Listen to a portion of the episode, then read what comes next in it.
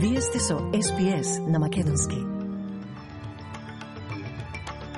По денешниот билтен, Резервната банка ја зголеми каматната стапка на готовина четврти пат по ред на 1,85 Обновени повици до владата да го продолжи олеснувањето со цената на бензинот и по септември. Денеска, 2 август, македонците го одбележуваат најголемиот национален празник – Илинден. И светските лидери бараат да се постигне глобален договор за нуклеарно оружје. На СБС на Македонски следуваат вестите за 2 август 2022. Јас сум Радица Бојковска Димитровска. Останете со нас.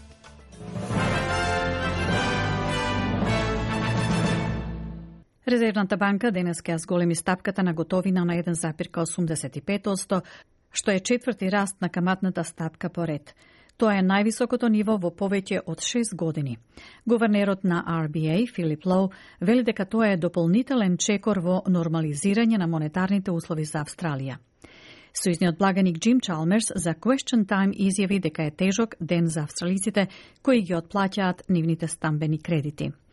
Иако оваа одлука не е изненадување, вели господин Чалмерс, сепак е болно за семејствата кои ќе треба да го балансираат својот буџет во ек на зголемените цени на основните намерници, струјата, бензинот и се друго останато. Now, as I said, Mr. Speaker, this decision doesn't come as a surprise. It's not a shock to anybody, but it will still sting. Families will now have to make more hard decisions about how to balance the household budget in the face of other pressures like higher grocery prices and higher power prices and the costs of other essentials. Портпаролот на Министерството за финансии на Зелените Ник Меким вели дека RBA треба да го притисне копчето за пауза во однос на зголемување на стапките. Говоричи за медиумите во Камбера, тој рече дека инфлацијата е потикната од шоковите во понудата и корпоративното профитерство. Според него решението е лесно и едноставно, доколку владата ја признае улогата што корпоративното профитерство ја игра во потикнување на инфлацијата и воспостави суперкорпоративен данок на добивка, а тој данок да го користи за справување со притисоците од трошоците за живот со кои се соочуваат обичните австралици. And until we get an understanding from government of that part of the problem, we're not going to get a solution to it. And the solution is easy and it is clear and stark. What the government needs to do is acknowledge the role that corporate profiteering is playing in driving inflation and put in place a corporate super profits tax and use the revenue from that tax to address cost of living pressures being faced by ordinary Australians. Сојузните пратеници ја повикуваат сојузната влада да го продолжи олеснувањето со цената на горивото и по крајот на септември, во обид да се ублажи зголемениот притисок на трошоците за живот врз австралиците. Преполовувањето на акцизата за гориво, 44 центи по литар данок на гориво, треба да истече на 28 септември, што значи дека цената на бензинот во октомври ќе се зголеми за 22 центи по литар. Благајникот Джим Чалмерс вели дека сојузната влада не може да ја продолжи иницијативата. Сенаторот Джеймс Патерсон од Либералната партија вели дека владата треба да биде одговорна и да го продолжи намалувањето на акцизата за бензин, што коалицијата ја вовела за 6 месеци.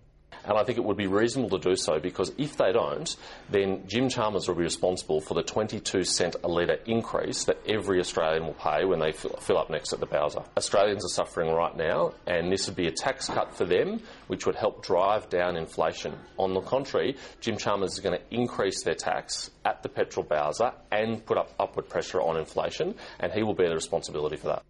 Пратениците од Викторија се вратија во државниот парламент на првата од четирите седници по зимскиот распуст.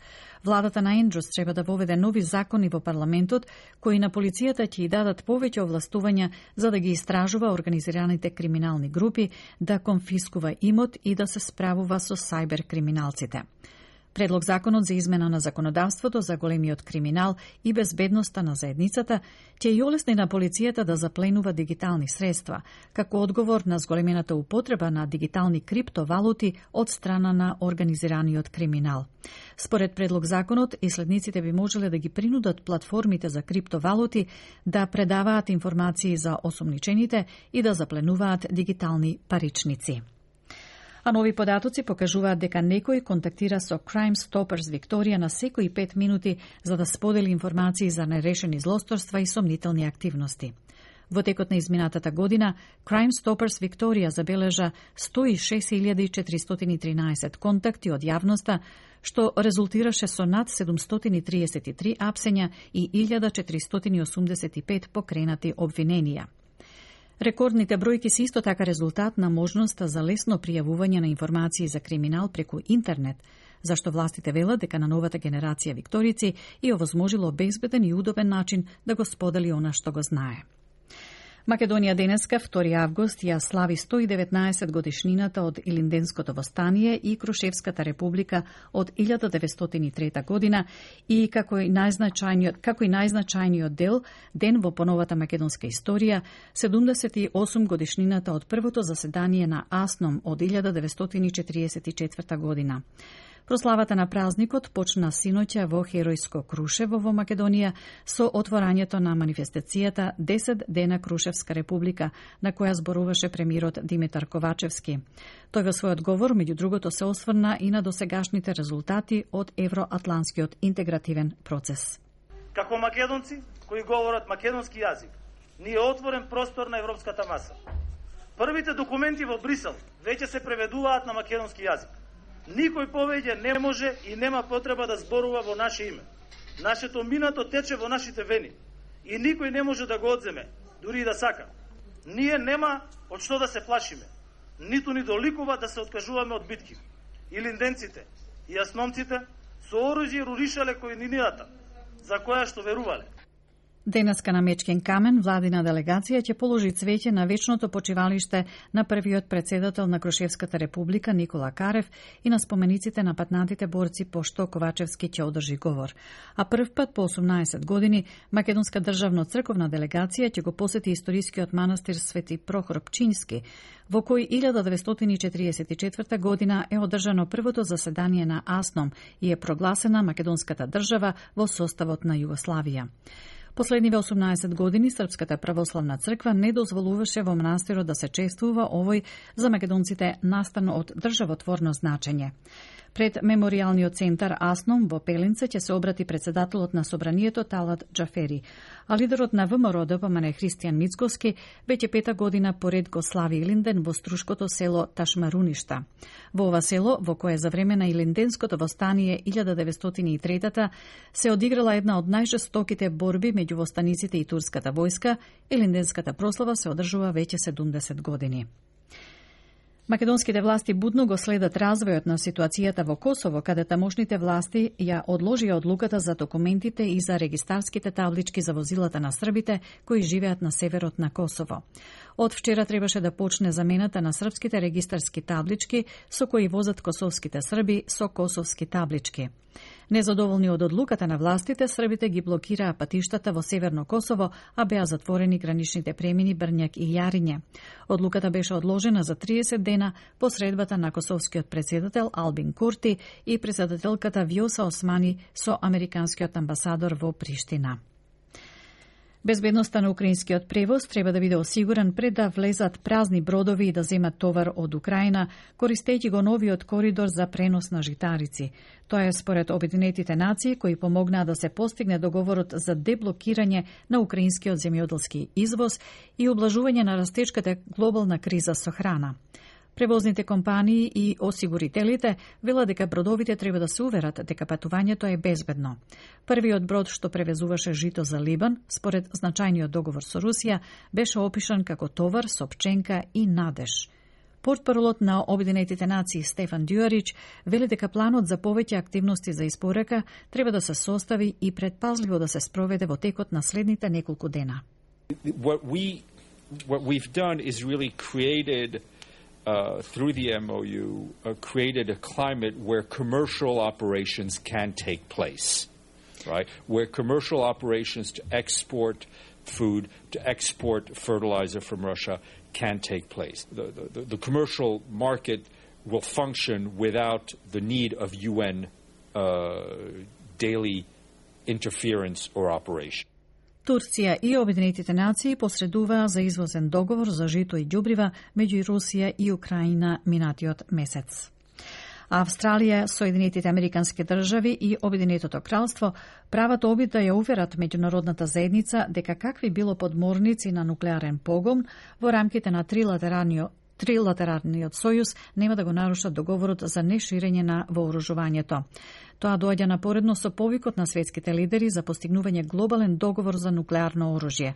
Шефот на Обединетите нации Антонио Гутереш предупреди дека човештвото е само едно недоразбирање подалеку од она што тој го нарече нуклеарно уништување. Тој рече дека човештвото е во опасност да ги заборави лекциите од застрашувачките пожари во Хирошима и Нагасаки, дека конкуренцијата ја надминува соработката, недовербата го заменила диалогот и дека сега се чуваат арсенали ширум светот. Облаците кои се разделија по крајот на студената војна сега повторно се собираат, рече Кутереш. Humanity is in danger of forgetting the lessons forged in the terrifying fires of Hiroshima and Nagasaki. Geopolitical tensions are reaching new highs. Competition is trumping cooperation and collaboration. Distrust has replaced dialogue, and disunity has replaced disarmament. Almost 13,000 nuclear weapons are now being held in arsenals around the world. The clouds that parted following the end of the Cold War are gathering once more. Државниот секретар на САД Антони Блинкен изјави дека е загрижувачко што Пјонгјанг се подготвува да ја изврши својата седма нуклеарна проба и дека Русија го презеде нуклеарниот објект во Украина.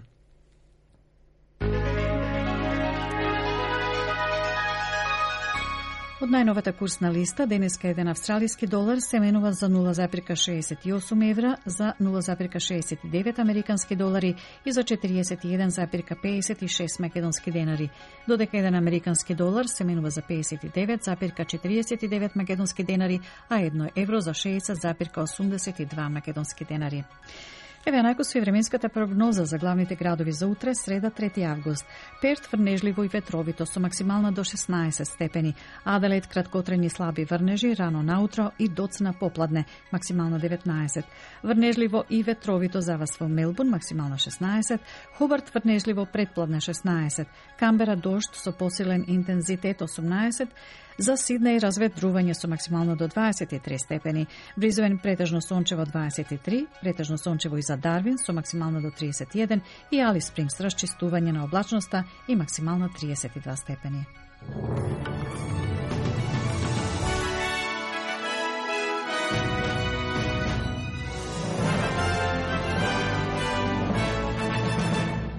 СПС на Македонски на мобилен преку интернет и на радио.